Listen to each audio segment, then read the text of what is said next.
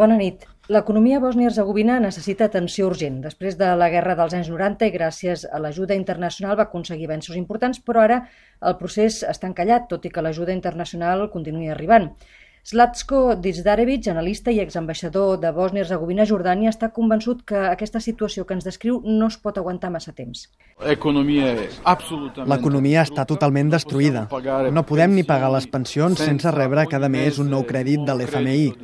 La davallada de la productivitat, en relació amb l'any passat, ha estat del 10%. La gent, gent de classe mitjana fins i tot, ha de regirar els contenidors d'escombraries.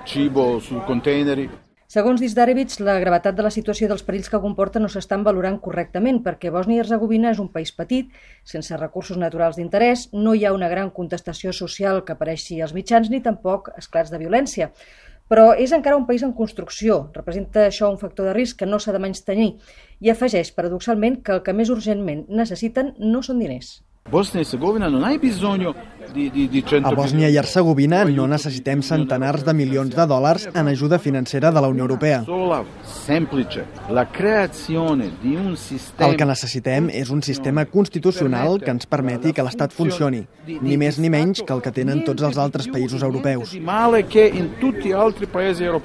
Els acords de pau de Dayton amb què es va acabar la guerra de Bòsnia fa més de dues dècades van portar un país dividit en dues entitats on hi ha 148 institucions governamentals i 17 centres policials que no es coordinen on en lloc de l'habitual divisió de poders en tres, en tenen cinc, i on la corrupció continua molt arrelada.